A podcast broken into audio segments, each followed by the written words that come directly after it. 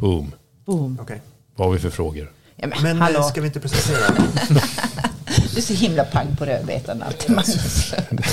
Förspel har aldrig varit min grej. Det hade varit en grej. Nej, nej, jag har hört talas om det. Men alltså, vad är rödbetan? Det har jag alltid undrat. Pang på rödbetan. Pang på rödbetan. Jag undrar hur det har uppstått det uttrycket. Det är rätt intressant. Är rödbetan Har det, har det liksom, var det något man gjorde förr i Jag tänkte om rödbetan är gammal slang på kvinnliga könet. Kan vara. Kan också vara Men det skulle kunna vara det. pang på rödbetan. Vi, kan, Ja, väl- vi kan väl ha det som fråga till våra lyssnare. Precis. Vad är rödbeta? precis. Ja, det är ett intressant uttryck faktiskt. Ja. Pang på rödbetan. Ja. Jag tänker... Ja, ja.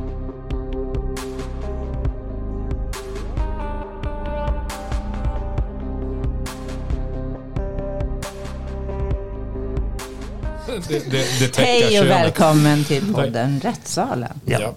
Och nu har vi redan försatt oss i någon kniv i. Vad vi har pratat om. Ja, nu får vi skit för det. En sak samma. Varför får vi skit för det? Vi får inte skit Nej, för jag det. vet inte. Får vi någonsin skit? Nej, är det någon som har gett oss skit för det? Eller? Du låter... Du, jag ser på dig att du vet något som inte jag vet. Så är det alltid Magnus, det bör du vänja dig vid. Ja, det är jag mycket van vid. De här konstiga Nej, blickarna. Det, är, det, det är vad det är. Eh, vem ska presentera oss?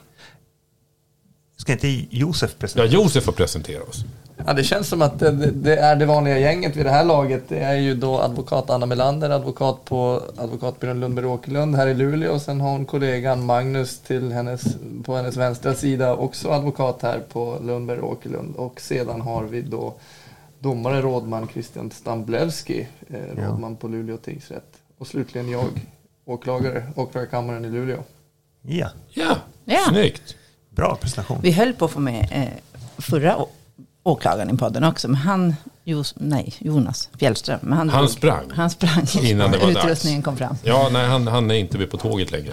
Ehm, vi, ska vi nämna någonting om att det, det dök ju upp en, en eh, liten blänkare som en händelse på Instagram för några veckor sedan. Att nytt avsnitt ute nu. Ja. Ja, men det var för dåligt. Det var för jävla dåligt.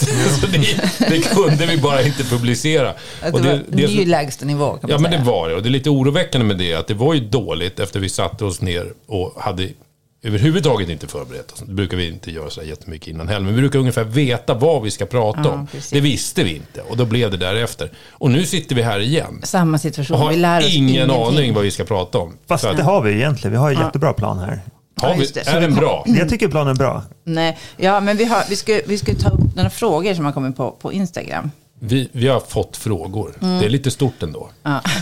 Tycker jag. Har det med juridik att göra? Nej, Nej. Om dina tatueringar. Ja. Är det sådana här, är det såna här frågor som har dykt upp klockan 23.30 fredag, lördag kväll? Fråga nummer ett. Vilken av dina tatueringar gjorde mest ont? Just det, den kan komma. Ja, men det är min fråga till dig. Det är min fråga. med. Det är revbenen. Revbenen. Ja, det var inte skönt. Så om jag skulle tatuera mina föräldrars namn, var ska jag tatuera det? Rumpan förslagsvis. Tack. Mycket fettvävnad. Det var det bästa stället att tatuera på. Ja, det tror jag. Har du tatuerat det på rumpan? Nej, jag har inte gjort det. Jag fick någon idé någon gång att sätta ett W på varje skinka.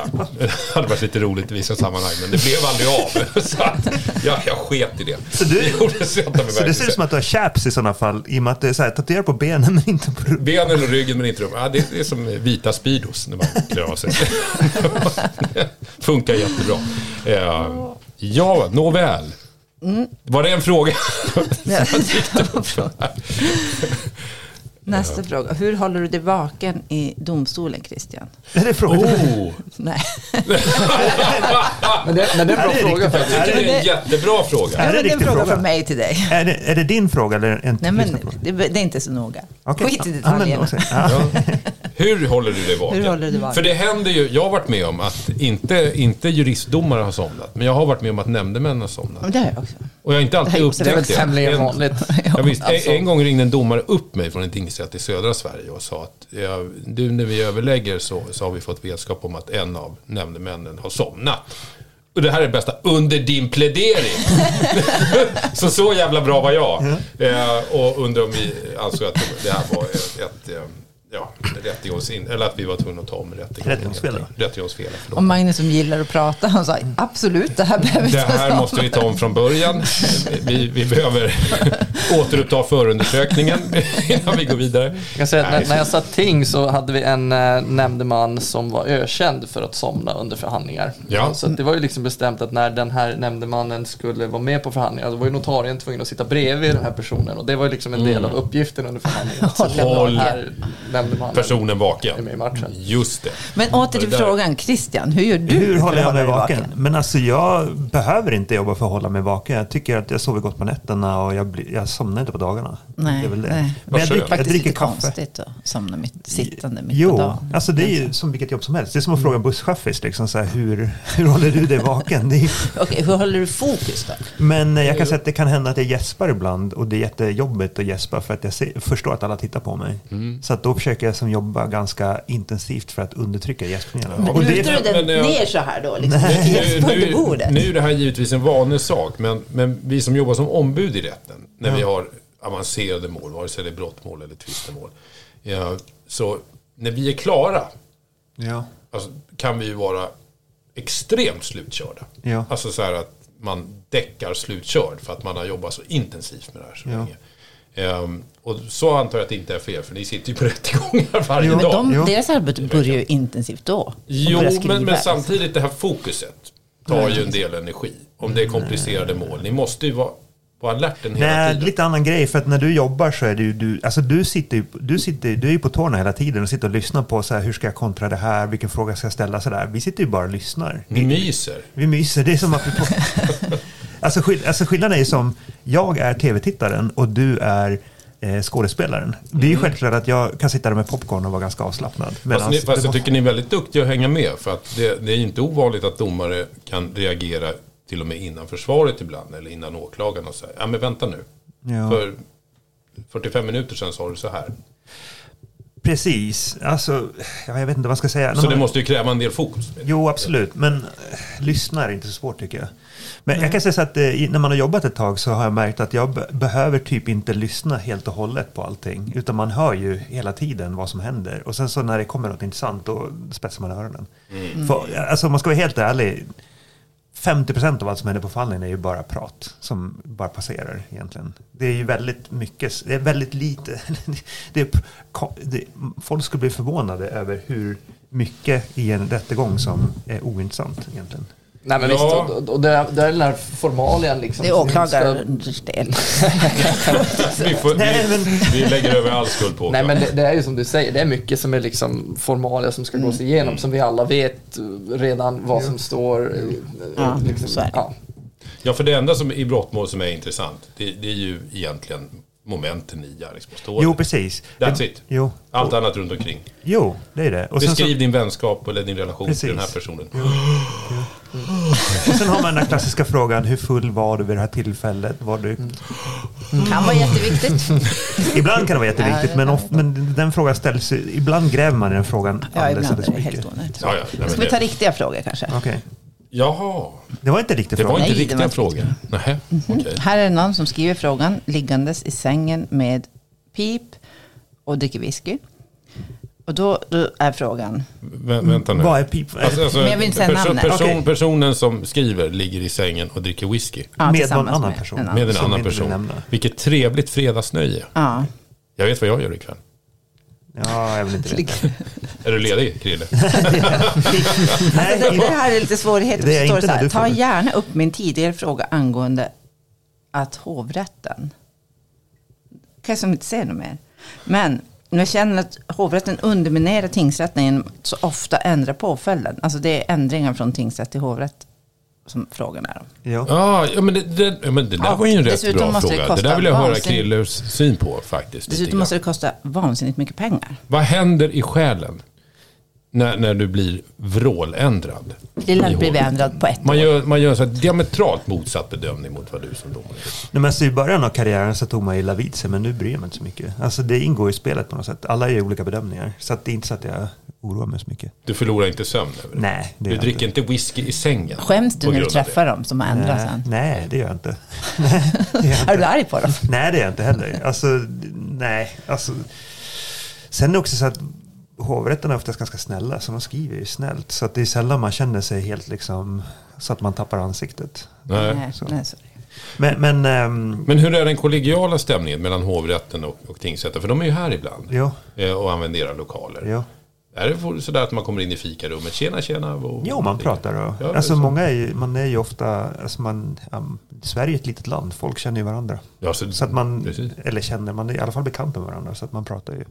Och ni har väl jobbat på varandras arbetsplatser också? Jo, men det vill Det man har inte vi. säga, det, folk ska inte få veta det egentligen. Men alltså, Nej. men, nej, men jurist, juristvärlden är ju liten. Alltså Ja, ja, folk, är folk känner ju till varandra och arbetar med varandra och, och sådär. Men du, alltså hur, hur, Men- har, finns det någon statistik? Hur mycket ändras det? Är det 40 procent eller någonting?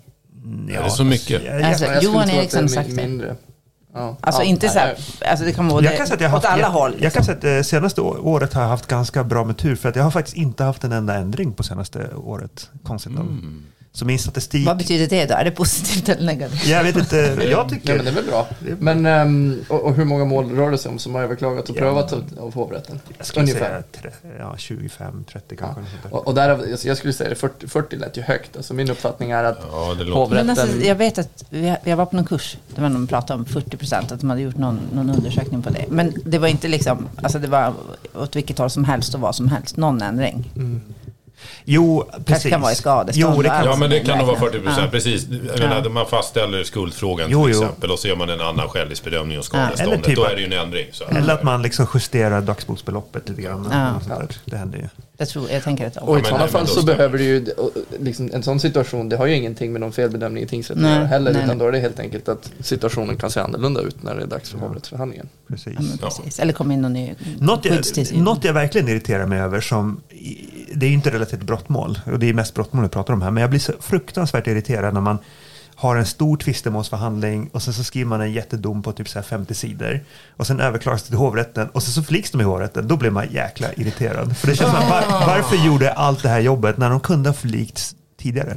Sent skola förlikningsadvokaterna vakna. Precis. Som det Jo, jo, jo. Eh, För det sker ju oftast dagen innan huff. Jo, men Annars. när det är liksom i hovrätten då blir man ju lite lack. För att då har man kanske lagt ner liksom ja, 60-70 timmars arbete på det här och bara, ja, ja. Och dessutom Ja, är det väl rätt intressant ofta i tvistemål, jag menar jag tänker från domarhåll, om ändå har dömt på ett visst sätt, det, det, det är ju särskilt i tvistemål inte helt självklart att det är just på det sättet, utan Ja. det är ju liksom en, en argumentationsfråga och en bedömningsfråga och sen kan man vara lite intresserad, vad, vad kommer hovrätten tänka om det här liksom? Jo, Mm. precis. Så kan man ju för sig ibland Men- men, i, i ja. brottmål också tycka. Och med en riktigt välskriven tvistemålsdom med en bevisvärdering som, ja, liksom, man är, man är tydlig med och, och hur, hur avvägningarna har gått och liknande kan ju få parterna att uppnå en samstämmighet om riskerna på ett annat sätt än vad det, alltså i hovrätten än vad det gjorde innan. Så tänker jag också. Ja, Att de inte och, törs och, och att då kanske man någonstans gör samma riskanalys och ja, men det här ska vi då förlika på det här beloppet. Ja, det får man hoppas att det är därför. Alltså, tingsrätten har resonerat i mångt och mycket korrekt. Någon är ju missnöjd uppenbarligen, men även den vinnande parten ser att ja, det där kan ju, jo. som tingsrätten säger. Men hur upplever du Josef? Överklagar du Så att- mycket? så att- jag... Eh, Allt.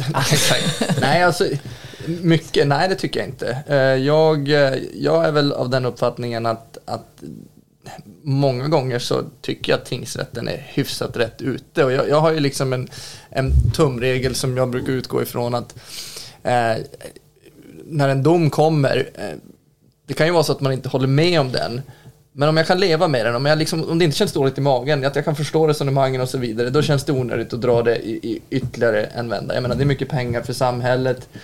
Um, det är ju mycket tid och jobb för, för oss inblandade. Och, och då tror jag också, när det är så att ändå att man kan liksom se resonemanget och hur man har landat, då tror jag också hovrätten många gånger fastställer det. Och det, alltså, det är ju så, då har det inte blivit ändrat på, på ett helt år. Så att, um, men är det något som liksom gnager i en, där man känner att nej, fan, jag kan inte liksom, varje gång jag kommer tänka tillbaks på det här målet så kommer jag känna att det här vart inte rätt, ja men då överklagar jag. Tycker jag det. Jag kan Typ lite så. Anledningen till varför jag är så glad över att det inte blivit ändrat på ett år, det är för att jag har ju som en tendens att, äh, tidigare, min- tidigare track record är att de ändrar ganska ofta. så det är därför jag är så förvånad. Du har liksom skolat in dig i leden nu. Så, ja, kan man säga precis. så? Jo, precis. Det är som, jag har fått stryk så ofta så nu har jag lärt mig.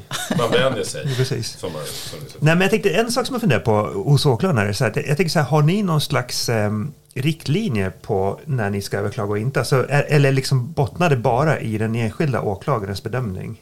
Ja, det, det, det är bara det. Vi har inga sådana riktlinjer kring när vi ska och inte ska överklaga. Det finns också lite olika skolor, och, eller ja, man kan väl säga så, lite olika skolor på olika kammare. Jag vet att på vissa kammare till exempel, och det här är, handlar inte om, om vanliga överklaganden, men däremot om om motparten har överklagat mm. så är skolan på vissa kammare att man alltid anslutningsöverklagar. Ja, det är jävla Nästan påföljd. oavsett om, om påföljden har blivit precis den som man själv har, har dömt ut. Ja, ja, men alltså, kan vi förklara konceptet med anslutningsöverklagande så att folk fattar? Ja, men, men alltså, då är det ju så att, att eh, efter en dom kommer från tingsrätten så har vardera parten tre veckor på sig att eh, överklaga domen.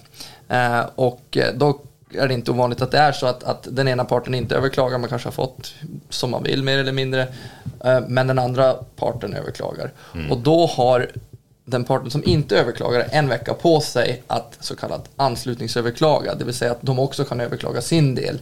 Um, och, och, det som händer då är att då får ju hovrätten, när de prövar målet, bedöma hela målet och, och, och Även då till exempel om, om, om åklagaren inte har överklagat men anslutningsöverklagat då kan de också döma till en strängare påföljd än vad tingsrätten kom fram till. Medan om man inte anslutningsöverklagar inom den här veckan då finns det ett tak. Då, är, då kan inte hovrätten döma ut en hårdare Sen är ju, och den stora skillnaden är just där att eh, har man inte överklagat självständigt så äger ju den parten som överklagat inom tid anskriven tid och tre veckor äger målet eller äger överklagandet. Ja. Så bestämmer man sig dagen innan huvudförhandlingen att nej, fan jag vill inte chansa på det här. Man kanske har fått en medelhård påföljd men riskerar något hårdare. Då kan man ju återkalla det och då faller ju även åklagarens överklagande. Då mm. prövas ju inte det. Så att det där är lite... Så det åklagaren gör att man... Man skrämmer? Ja, det, det är lite strategispel. För det händer ju ibland att åklagaren kanske... Om man har en klient som, som förnekar brott, åklagaren yrkar på två års fängelse och så bedömer rubric, eh, tingsrätten rubriceringsfrågan helt annorlunda. Och så kanske det, det stannar på en ja, skyddstillsyn, även om man har hävdat sin oskuld då, så, då ligger det i sakens natur att då vill man ju få det här överprövat. Men då är det ju samtidigt där att ja, om det anslutningsöverklagas, den här ska få två år. Mm. Då riskar man ju två år. Det kan ju vara lite amerikanskt system nästan. Jo, nej, men visst. Det blir lite, det blir lite taktiskt. Jag är oskyldig, jag anser mig vara oskyldig. Jag har fått ett straff, det är en skyddstillsyn, men jag riskar ju samtidigt två år. Det kan ju bli ja. så. Då, då blir det... Mm, det där har man rätt mycket diskussioner med sina klienter om kan jag ja. Men om man är lat åklagare, då kan man ju som bara skita i överklaga grejer utan att någon bryr sig. Eller ja, det passerar liksom bara under raden. Absolut. jag, jag, jag skulle tro att eh, ju längre man har jobbat, i alla fall är det nog så för mig, jag skulle gissa att det är så för många, att, att man överklagar mer selektivt ju, ju längre man har jobbat. Att när man är yngre som åklagare, mm. lite nyare i karriären, så är man mer sugen också för att få liksom fler bedömningar av samma sak. För man har inte heller samma, liksom, man har inte kommit till det att man har haft många typer av mål många gånger och så vidare. Och det enskilda målet är inte så stort för en efter man har jobbat i sju år eller vad det blir. Liksom. Nej, precis. Så, um, och det känns ja. som att några är mer på hugget att överklaga. Alltså, ja, ja, men så är det absolut. Alltså, och, och, det är intressant så frågan från början var ju det, liksom, har vi några mallar? Eller något? Alltså, nej, det, vi, vi, har inga riktlinjer, vi har inga mallar på det sättet att, att, i de fallen ska man överklaga, i de fallen ska man inte överklaga. Utan det, det landar på den enskilda åklagaren att göra sin bedömning. Och då, ja, kan ni bli påverkade av någon? Det här är ett jättestort mål, du blev frikänt. Jag tycker du klagar nu. Kan, kan Anna Bergström komma och säga åt dig, Josef? Nej. Nej, det, det alltså... Anna Bergström är då Josefs chef. Exakt. Nej, eh, så, och så ska det nog inte vara utan... Och det, Förstår att Anna jag, inte gör det. Nej, men, men precis. Men, men um, jag tror att vi alla inom myndigheten, vi, vi är också... Alltså så här, man gör ju tillräckligt många egna bedömningar. Ska jag då börja gå och liksom bedöma vad andra ska göra också? Det blir skitjobbigt. Så att alla är nog nöjda med att låta de som har målet liksom göra den bedömningen själv. Sen Aha. tänker jag mig att det som kanske kan påverka, men inte direkt, men mer liksom omedvetet, det är om det är något som det kanske skrivs mycket om i media och, och lite sådär. Mm. Att, att kanske det kan på något sätt inte officiellt vägas in men att ändå påverkar en till vad man, vad man ska göra. Och jag tror också en annan sak som påverkar är såklart omfattningen av målet och storheten på utredningen. Men har du jobbat med ett, ett mordärende ett halvår och lagt sjukt mycket tid mm. och så är det säkert från båda parterna. Alltså, då kanske man inte Nej. är helt nöjd med bara en instansprövning, utan Ja. då vill man nog ha två. Ja, ja, men det förstår jag. Men sen har jag alltid tänkt lite grann utifrån er eh, objektivitetsprincip där. Att, eh, Eh, att det kan ju utåt sett ligga lite grann i sakens natur. Att har man gjort bedömningen att det här ska leda till en fällande dom på objektiva grunder och sen så gör det inte det, ja, att det nästan är, ligger i sakens natur att då måste man överklaga det eftersom man har gjort bedömningen på att det här ska ju leda till en fällande dom. Men man gör ju inte alltid det. Och, och jag har alltid tänkt att det hänför sig till vad man får kalla det oförutsedda omständigheter. Det vill säga att när, när vi väl har rättegång i tingsrätten så dyker det upp saker som inte finns med i förundersökningen. Vittnen, parter kanske berättar saker man inte gjort tidigare eh, som leder till en friande dom. Att man då som åklagare anser att ja, när hade det här varit känt så ja, Absolut. Det, det, är alltså, det, det är två helt olika bedömningar. För den första bedömningen, det, det är ju liksom en, en icke-levande bedömning utifrån ett skriftligt material. Eh, och, eh, och den andra, då har man ju haft hela målet som du säger. Och, Mm. och, och om det är något man kan räkna med, i vart fall när det är lite mer omfattande huvudförhandlingar, det är väl kanske inte så jättesmå mål, men är en stor huvudförhandling, det du kan vara helt säker på att det kommer inte gå precis som du hade tänkt. Nej, det kommer de- inte folk bli kommer inte precis säga som det liksom- man har- Nej, man har tänkt. alltså det är ju alltid, det, det är ju liksom levande så att, ehm, ja. Det är en levande organism. Men hur tänker ni då eh, kring överklagande när man kan ni tänka, får ni tänka? Jag förstår att det är klienten i slutändan som avgör, men, men ni är väl, har en viss kanske rådgivande, vägledande roll? Ja, eller varsågod Anna. Man kan säga. Men ja, det är ju såklart klienten som, som bestämmer det själv. Men, men ofta är det ju en riskbedömning alltså, som gör om man, om man törs klaga eller inte. Alltså hur, hur missnöjd är man? Ibland är det ju självklart, då riskar man ingenting om det liksom går fullt på åklagarens linje. Mm. Så då spelar det ingen roll heller om de nästan anslutningsklagar, om man har yrkat samma påföljd som kanske blev. Mm. Eh, och då anslutningsklagar ju inte heller oftast. Nej. men, nej, men det är ju ofta Det är det. Törs, är det liksom, dömdes du till ett år och riskerar tio, då kanske, ja, då kan man ju ge rådet att fundera en gång till. Sov en vecka på det. Och man, kan, man kan väl överklaga även fram till domen meddelas. Man kan köra hela förhandlingen. Ja, återkalla det. Ja, och det skedde ju nyligen i ett mordmål här i Norrbotten. Eh, Personen, personen kvar blev i häkte Ja, efter avslutad huvudförhandling och eh, då återkallade den klagande. planen. För där var det ju anslutningsklagat. Ja, precis. Så att, eh, Ja, men just det, precis. Ja, och det är ju ett tydligt tecken på att det för då förstår man ju att nu, nu, nu blir det ju kåken. Ja. Ni får ju åka till Umeå när ni ska på hovrätten. Ja, När det är häktade mål? eller? häktade mål. Ja. Men eh, är det ett incitament då? Att det är roligt att åka dit? Nej, det är inte Nej. roligt. Jag gillar inte Umeå så mycket. U- Umeå gillar jag, men jag gillar inte vägen till Umeå. Den eh, är den värsta vägen man kan åka i Vi gillar att bo på hotell. Vi är så trötta på hotell kan vi säga i ärlighetens namn. Men eh, Nej, det nej, det, det, inte, det lockar inte så. Nej. Nej, men det är ofta hur, hur stor risk det är. Ja, riskbedömning. Och hur missnöjd klienten är. Och ytterst är det ju såklart, det är ju klienten själv som bestämmer. Ja. Vi informerar om att det här är den risken du bär. Ibland man alltså I säga, större hade- mål blir ja. det ofta överklagat av någon Jo, jo, men så det. Alltså så är det ju. Man säger ofta, hade jag varit i dina skor så hade jag kanske inte överklagat. Men Jag vet att förr i tiden så fanns det en dom, liksom ett, en liten teknik som man märkt att äldre domare använder nu. Nu har jag inte sett det själv på länge. Att man, att man liksom så när man är osäker på ansvaret, alltså på skuldfrågan. Om man är osäker på att den här personen är skyldig eller inte, då dömer man personen men man ger dem en ganska lindrig påföljd för att kompensera. Eh, och då sätter man, det är liksom det sämsta av två världar. ja, det är det sämsta att få vara. Det är ett otyg som, är, Men, men som alltså, inte ska men finnas. ju fortfarande, för det såg jag att det, på, det hände ju när jag började för typ 15-20 år sedan.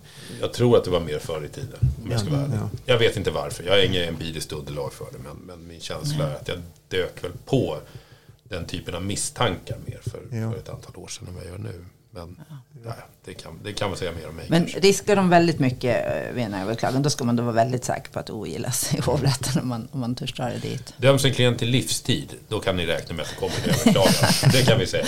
Det, det kan man utgå ifrån. Sådär.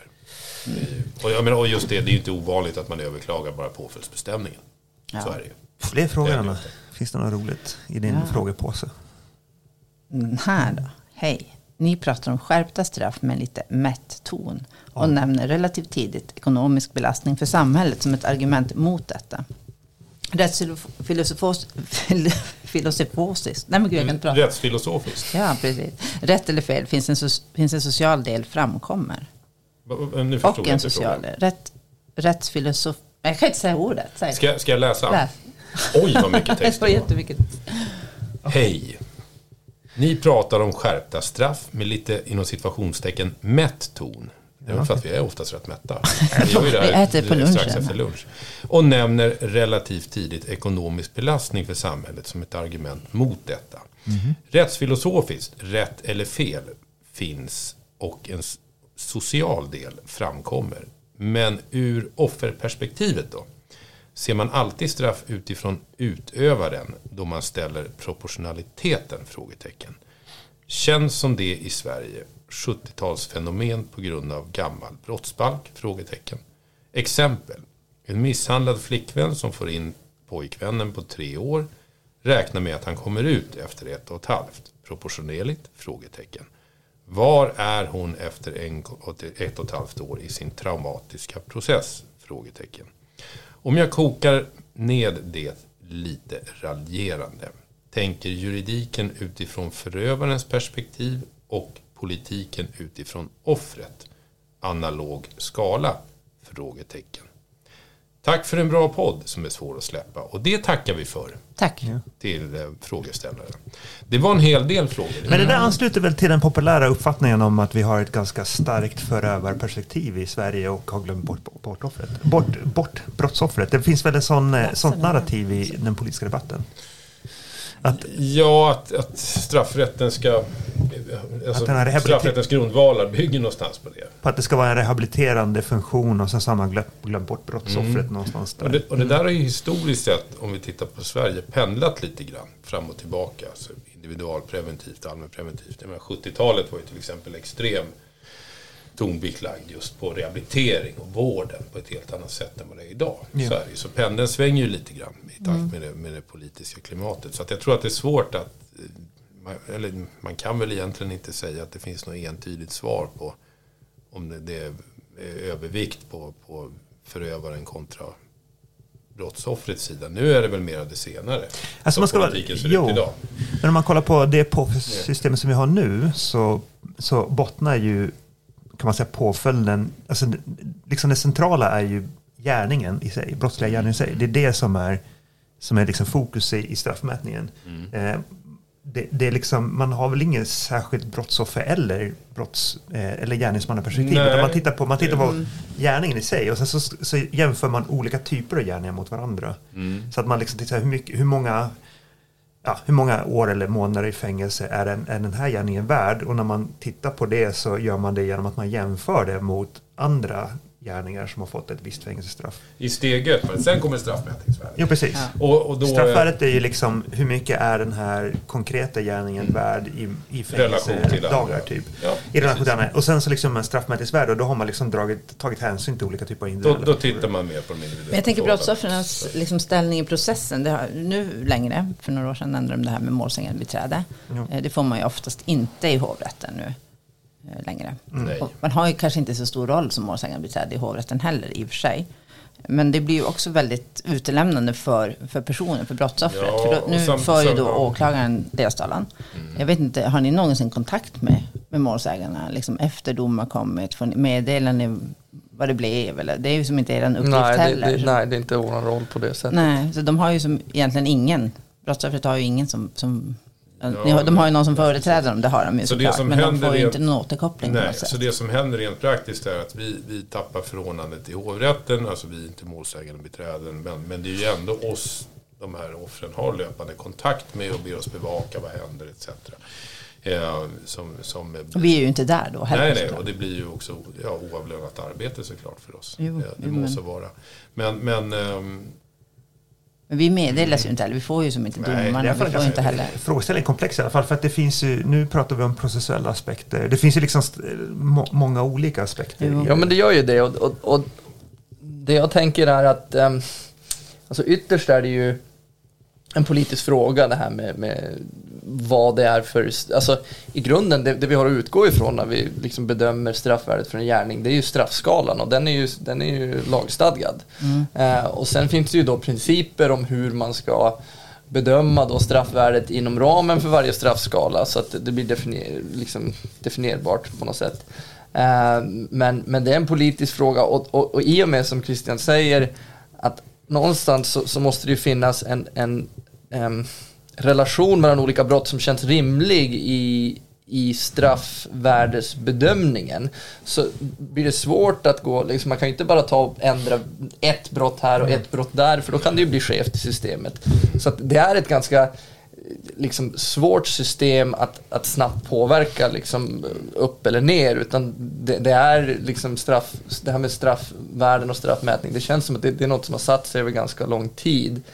Vilket Ehm, har ett värde i Jo, det är sig. ett Att, organiskt det, att system. det, det finns en kontinuitet Ja. i det, en förutsägbarhet. Men tanken är att lika för- brott ska ju ge lika straff, är tanken då. Det är Eh, tanken, ja, Och då innebär det att liknande brott ska ge straff, liknande straff som liknande brott. Mm, alltså det, det. det innebär att man liksom tittar på besläktade brott. Så det blir liksom ett slags nätverk av, när man tittar på liksom hur, där allting hänger ihop. Men, men tillbaka till frågan var ställd och det här blir ju lite eh, liksom, ur ett ännu större perspektiv men det är ju viktigt att Ehm, de straffen som döms ut är, är tillräckligt ingripande för att målsägarna någonstans ska känna någon slags upprättelse för det som har hänt.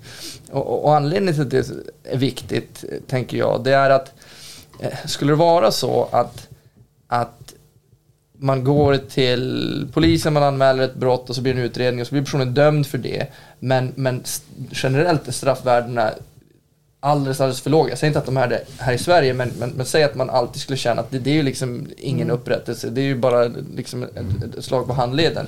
Det det tror jag i längden leder till, det är att då är folk mindre benägna att anmäla brott och att gå den vanliga vägen, utan då kanske man väljer alternativa eh, liksom upprättelsealternativ som att gå till kriminella gäng Ja, eller det- andra för att precis. försöka få den där Ja, upprättelsen. det, det får inte finnas en för stor obalans. Samtidigt så tror jag det, Det där med- fokuset bör ju ligga på allmänhetens uppfattning Fast- om vad som är ett rimligt straff. Jag menar, en målsägande tror jag mer eller mindre alltid kommer, eftersom det blir emotionellt på ett helt annat sätt, känna att ett straff är för lågt. För det där tänkte jag Ja, precis, på. För jag tänkte om man tar våldtäktsbrottet. Det har ju straffskärpts något otroligt på sistone. Mm. Om, eh, det har ju liksom gått från typ ett års ministraff till tre års ministraff på ganska kort tid.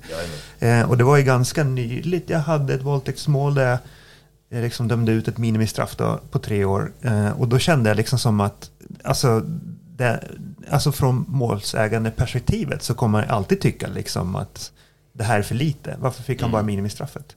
Den personen Alltså- lever ju med traumat resten av Precis. sitt liv. Eh, och då tänkte jag så här, man kan ju höja man kan ju höja våldtäktsstraffet liksom till fem år, minimistraffet till sex år. Det kommer ju alltid uppfattas som för Mm. lite. Ja, så Och jag tänker att det är det som är grejen att, att visst, man får inte förstå mig fel på det sättet att man ska liksom, att straffen ska ligga på en sån nivå att målsägarna ska vara nöjda. För jag håller med er att det, det, det, är, det är nog väldigt svårt. Då det är väldigt, väldigt svårt. behöva döma ut många livstidsstraff. Men, men, men i vart fall att det känns någonstans liksom rimligt så, så att inte målsägarna går därifrån och känner att det var ingen idé att ens liksom driva det här vidare för att det blir liksom ingenting av det. Nej, så att det är en balans. Det är en alltså. balans Det- mellan det allmännas rättsuppfattning om vad som är rättvist och inte. Mm.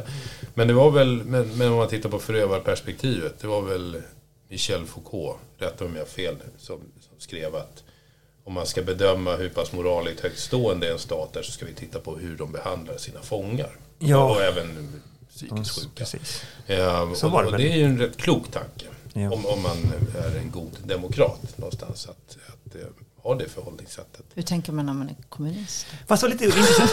Fast det är väl kommunister som tänker så här. Ja, men, jag, tänker, jag tänker så här, men alltså det, var, det, var faktiskt en, alltså, det var faktiskt en nämndeman som sa en intressant... Alltså jag har ju också tänkt i de termerna, men jag tyckte han uttryckte det så fint ganska nyligt. Han, han sa ju någonting i stil med att eh, att, att om det, alltså för att vi har ju tidigare haft en idé här i Sverige om att fängelsestraffet är skadligt för individer. Eh, och att man därför ska undvika döma ut fängelsestraff. Eh, och det är det som är liksom grundtanken bakom den här brotts, alltså den här straffpåföljdssystemet som vi har nu. Just Som, det. som, som kom 89 egentligen. Eh, men, men han sa ju så här att eh, men alltså om man har synpunkter mot fängelsestraffet då ska man ju fundera på hur man verkställer fängelsestraffet, inte liksom att ta bort fängelsestraffet. Alltså för att, för att eh, tiden på fängelse kan ju se ut på så många olika sätt. Och då Mm. kanske man ska, om man tycker att fängelsestraffet är skadligt då kanske man ska fundera på hur, hur ser det ut på fängelserna? Hur, Liksom hur verkställer man fängelsestraffet? Mm. Vad får de för möjligheter? Och så här. För ett fängelsestraff skulle, alltså om, om, alltså om man tänker så här rent liksom, om man bara spekulerar. Alltså om det hade varit som att bo på en all inclusive i Thailand. Så hade ju ett fängelsestraff varit ganska trevligt för många. Ja, ja, ja. Så, så att jag menar, det går ju liksom, det, så att, det, egentligen så tänker jag att påföljdssystemet i sig, alltså vilka påföljder man dömer ut och sådär, det kanske inte är det intressanta, utan hur man, hur man verkställer dem istället. Precis. Då hade vi haft väldigt många klienter som när de får villkorlig dom och böter hade kommit hit. Nej, nej, nej, vi måste överklaga, vi vill ha fängelse. Precis. Och det kan vi säga, det går ju inte. Nej. Det är, Men det, fin- det, finns, det finns ju också en annan aspekt av det här som jag brukar fundera på, liksom tänka kring ibland. Och, och det är ju det här att, alltså, även för individen som är åtalad för ett brott, så kanske det bästa är att de får till exempel ett fängelsestraff.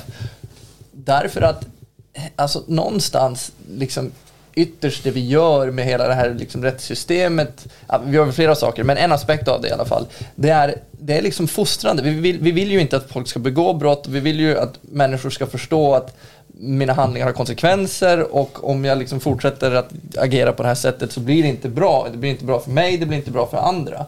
Och, och då kan jag känna ibland med vissa när man sitter vid en rättegång som att de liksom inte, de fattar inte det här att, att det finns konsekvenser för det man gör och de, de, får inte den kopplingen. Och, och varför de inte har fattat det, man, man kan ju tycka att skolan och många bör ha liksom gett en sån, men i alla fall så att ytterst för en sån person kanske det, det bästa som kan hända den personen är att den får ett fängelsestraff och inser att fan det här var ju inte kul. Vi kanske ska införa lumpen för alla. Jo, det var... Det tror jag. Fan, det, vilken revolutionerande idé.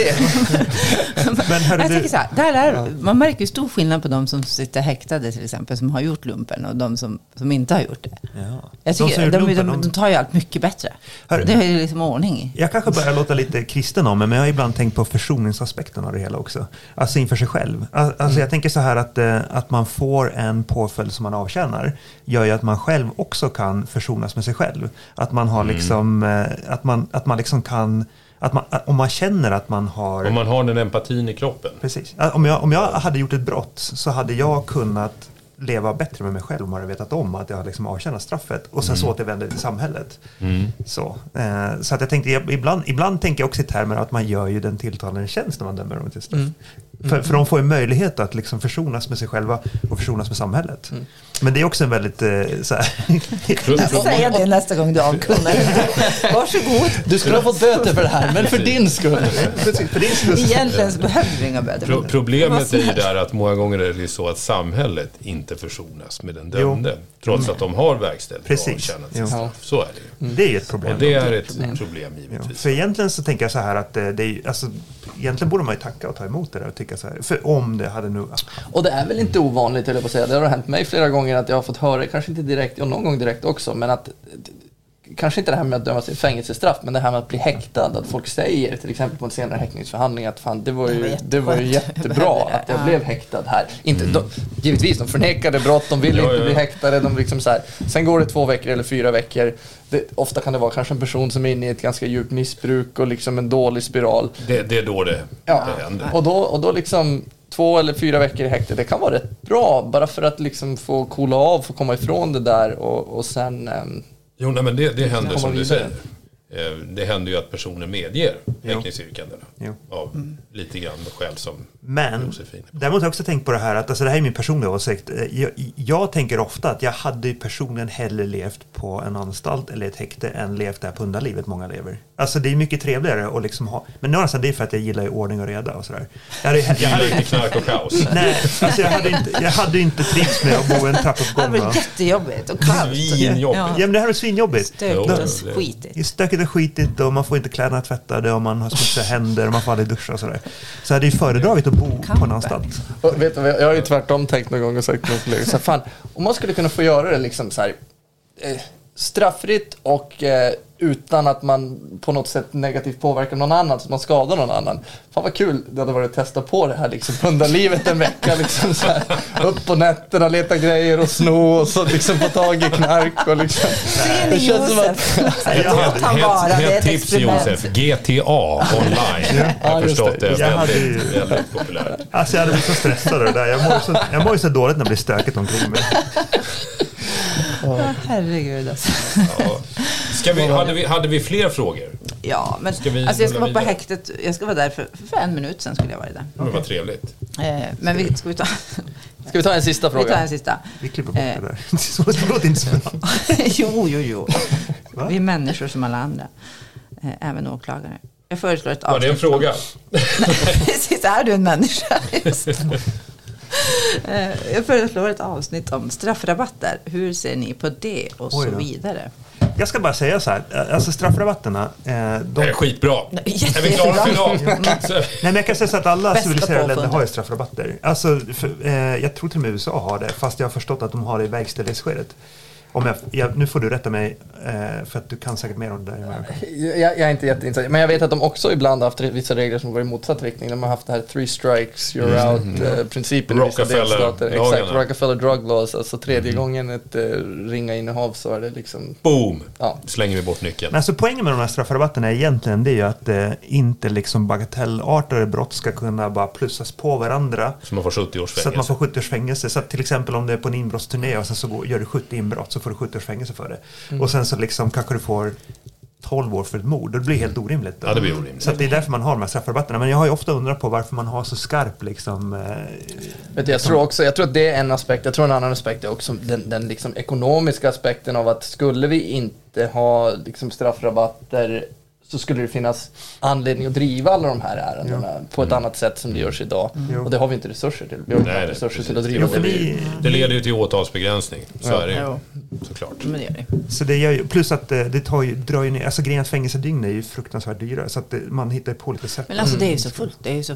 proppfullt överallt. Ja, nu är det fullt överallt. Ja. Det finns Men, men, men alltså det är, det är liksom en, ändå återigen till det vi pratade om lite grann tidigare med det här med liksom konsekvens tänket eller liksom att, att, att, att handlingar ska få konsekvenser. Det blir ju lite motsägelsefullt i, i de fallen där det är en person som det, kan ju, det är inte ovanligt att det är så att, att någon ehm, har begått något brott eh, misstänkt för säg en stöld på fängelsenivå så är de fortfarande ute. Och då, eh, kanske inte alla vet om det, man kanske inte ska säga det, men det är många som vet om att ja, ja, men jag kan begå i princip hur många bötesbrott som helst nu och det kommer inte liksom bli någon Men det här ställdes ju lite grann på sin spets och blev ju medialt uppmärksammat med den här, hette han Nytorgsmannen? Våld, de här serievåldtäktsmannen i Stockholm. För där, där blev det ju ett jädra liv när, när medierna började räkna på det här. Jag kommer inte ihåg vad han fick i år. Men, men där man jämförde med om han nu skulle få minimistraff för våldtäkt på alla han hade våldtagit. Så hade han ju givetvis hamnat, jag vet inte, 40 år i fängelse. vad det kunde vara. Och Nu blev det bara, jag tar en fiktiv siffra, 6 eller 8. Att det här är ju orimligt. Och så blir det också lite svårt där vi samtidigt som vi har det här med straffrabatter har en lagstiftning som säger att ett sak som vi ska be- beakta i viss mån både vad gäller påföljdsval men också i viss mån straffmätningsmässigt är om personen återfaller i brott. Mm. Jo, ja, det, det är ju... Det är ju, blir lite konstigt. Mm. Alltså jag, kan, jag kan ofta förklara liksom... Fem år dömdes han. Fem år fick han, okej. Jag kan Och hur många för, våldtäkter dömdes han för? Eh, sju våldtäkter, åtta sexuella övergrepp, sex Sju våldtäkter, så sexuella sju, och, och det, det har ett minimistraff på tre år. Två samt kanske när han begick dem. viss Ja, två när han begick dem. Så ja, hade man plussat ihop det då 14 år, om det var den tidens lagstiftning som Och det är klart att jag kan tycka själv när du Ja, läser när det det är där. fem, men att det- nu är vi vanliga. liksom, Jo, men alltså liksom känslan i magen är så här, ja, Ja. fem år känns det Ja, det var ju, ganska det var ju, lindrigt. Nu hade han ju dömts Jag kan ju ofta mer. förklara liksom, alltså varför man har liksom, den här straffrabatten, alltså poängen bakom det. Men jag kan inte förklara varför den, det är så mycket rabatt ibland. Det, är- det är ju svårt att förklara. Fast är det så mycket rabatt? Jo, alltså ibland blir det det när det... Alltså, det Jag, jag tror att just rabattens storlek är nog det som jag är mest oense om med både åklagare och domstolar. Men jag tänker som till exempel att om man tar någon som går på en eh, stöldturné och gör jättemånga inbrott hemma hos folk. Eh, Mm. då blir det ju som att det är i princip bara de första inbrotten som räknas. Och sen så, om man tänker sig att man kanske gör 20 inbrott. Då kanske 10 inbrott bara kommer gratis. Typ. Det, det är lite orimligt. Men, men alltså från, från åklag, det, det här är jag faktiskt lite nyfiken på. Från åklagarhåll och från domarhåll. Jag menar, det är ju inte så att det saknas vägledande uttalanden. Alltså, vi har ju skärtorsdagsdomen och vi har ju allt som Borgeke Jo. så vackert har skrivit om Jo. hur man räknar ut den här rabatten. Det åsidosätts ju löpande. Nej. Jo. Men vad, nej, Det, jo, jo, Men jo. jag tänker att det beror väl på om man sätter straffvärdet för de olika brotten också. är man oense där så blir det ju Nej, fast fel där, hela där, kan, vägen. där kan vi ofta vara rätt överens, tycker Ja. jag. Men sen blir det ändå i det samlade straffvärdet uppgår till och så. Ja, men nu har ni... Så här.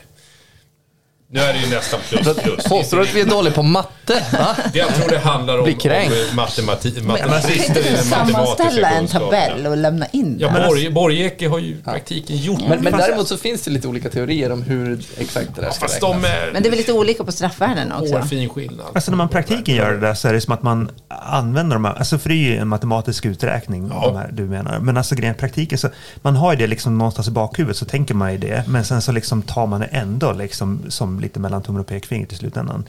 Så man drar ifrån och lägger till lite utifrån Man får aldrig gå emot Borgeke. aldrig.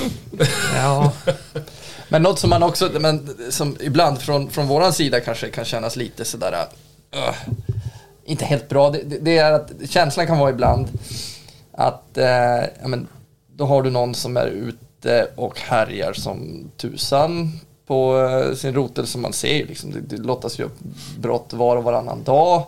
Vissa grejer plockar vi bort direkt för att vi liksom har mycket annat att jobba med. Men, och så till slut då efter personen har härjat ett, ett visst antal veckor eller månader eller vad det är så, så blir det liksom att personen tas in och ibland kan vi begära dem häktade men, och inte få det. Ah, skitsamma, säg att vi får personen häktad och så blir det en förhandling. Och så i slutändan, ja vad får de då? Ja, de, då, då får de liksom ett straff som är kraftigt, kraftigt reducerat. Först på grund av, av eh, Åtalsbegränsningen. Med, med åtalsbegränsningen som vi har gjort innan. Sen blir den ju begränsad i och med att man ska då eh, göra avdrag för, för flerfaldig brottslighet som görs i domstolen. Sen när de väl ska avtjäna sitt straff så görs det ju avdrag då med en tredjedel. Men ni eh, får sluta åtalsbegränsade och det är för att ni är lata och inte orkar sitta i sju dagars huvudbehandling. Ringa Nej, stöld. visst. Nej men så att i slutändan och så, så och så liksom Så kommer de då, ut efter kommer två, ut tre. efter två, tre veckor liksom. Eh, ja, och då, då kan det kännas som att Ja. Men det var värt Jag vet inte, känslan arbeta. i kroppen blir bara att det, det, Jag vet så här, det här är ju det stackare. blir inte mycket kvar av ändå någon som har härjat Ja. på rätt hårt. Och jag, och jag hade en diskussion en gång med en chefsåklagare och en till åklagare. Ja, när det hade åtalsbegränsats med hälften av antalet brott. Så det kvarstod 80. Och det väcktes åtal på samtliga. Och det förstod vi alla givetvis att det är Ja men 75 av de här kommer inte ha någon påverkan för påföljdsvalet eller straffvärdet. Bara, min, min uppfattning var väl att det här, det här är ju fullständigt orimligt onödigt att köra det. Men, men det kördes med motiveringen att det, det skulle sticka för mycket i samhällets ögon om vi åtalsbegränsade ytterligare. Det, Nej, så det, och, och det är ju en åsikt man kan ha såklart. Det säger jag ingenting om. det är svåra frågor och det är många aspekter som ska vägas mot varandra och, och, och sådär. Så att, um, om, om, om du skulle fråga min liksom spontana syn på, på påföljdssystemet och hur man skulle kunna justera den lite för att, för att få lite mer rimlighet. Jag skulle tro den första justeringen jag skulle vilja se är att man ändå eh, någonstans ehm, jag, jag, jag tycker mer det här med, med ehm, att man kommer ut efter två tredjedelar av strafftiden alltid, ja, skulle man kunna fundera på om det bör vara på det sättet. Ja, det var, jag- och det är jag- kopplat till hur man sköter sig. Så- Ja fast det är det ju, det är det ju idag. Det är det idag. Ja, Okej, då har de ändrat på De det. drar ju dagar hela tiden. ja. Herregud. konstant. Men så jag menar att det ska liksom, istället för att det ska vara automatisk eh, villkorlig frigivning så är det som att det, man, man går upp till en prövning. Alltså, ja, fast det blir ju igen, alltså effekten Så blir man- ju densamma i slutändan. missköter sig Eller ja, inte om det tio går upp till prövning. 20 Ja, extra, Då blir det ju 100 omvänt. Men, men, eh, Så att det blir som omvänt mot idag. men, men det är ju ett incitament givetvis för de som sitter att nu tar jag tillfället i akt och sköter mig och gör det jag ska göra, genomgår de här programmen, annars blir det problem. Det, det, är- så att det är klart det är bra att det finns en morot. Jag hade kunnat kan man ju lätt fantisera om bara eh, sämre situation och värre stämning på våra anstalter om det inte fanns.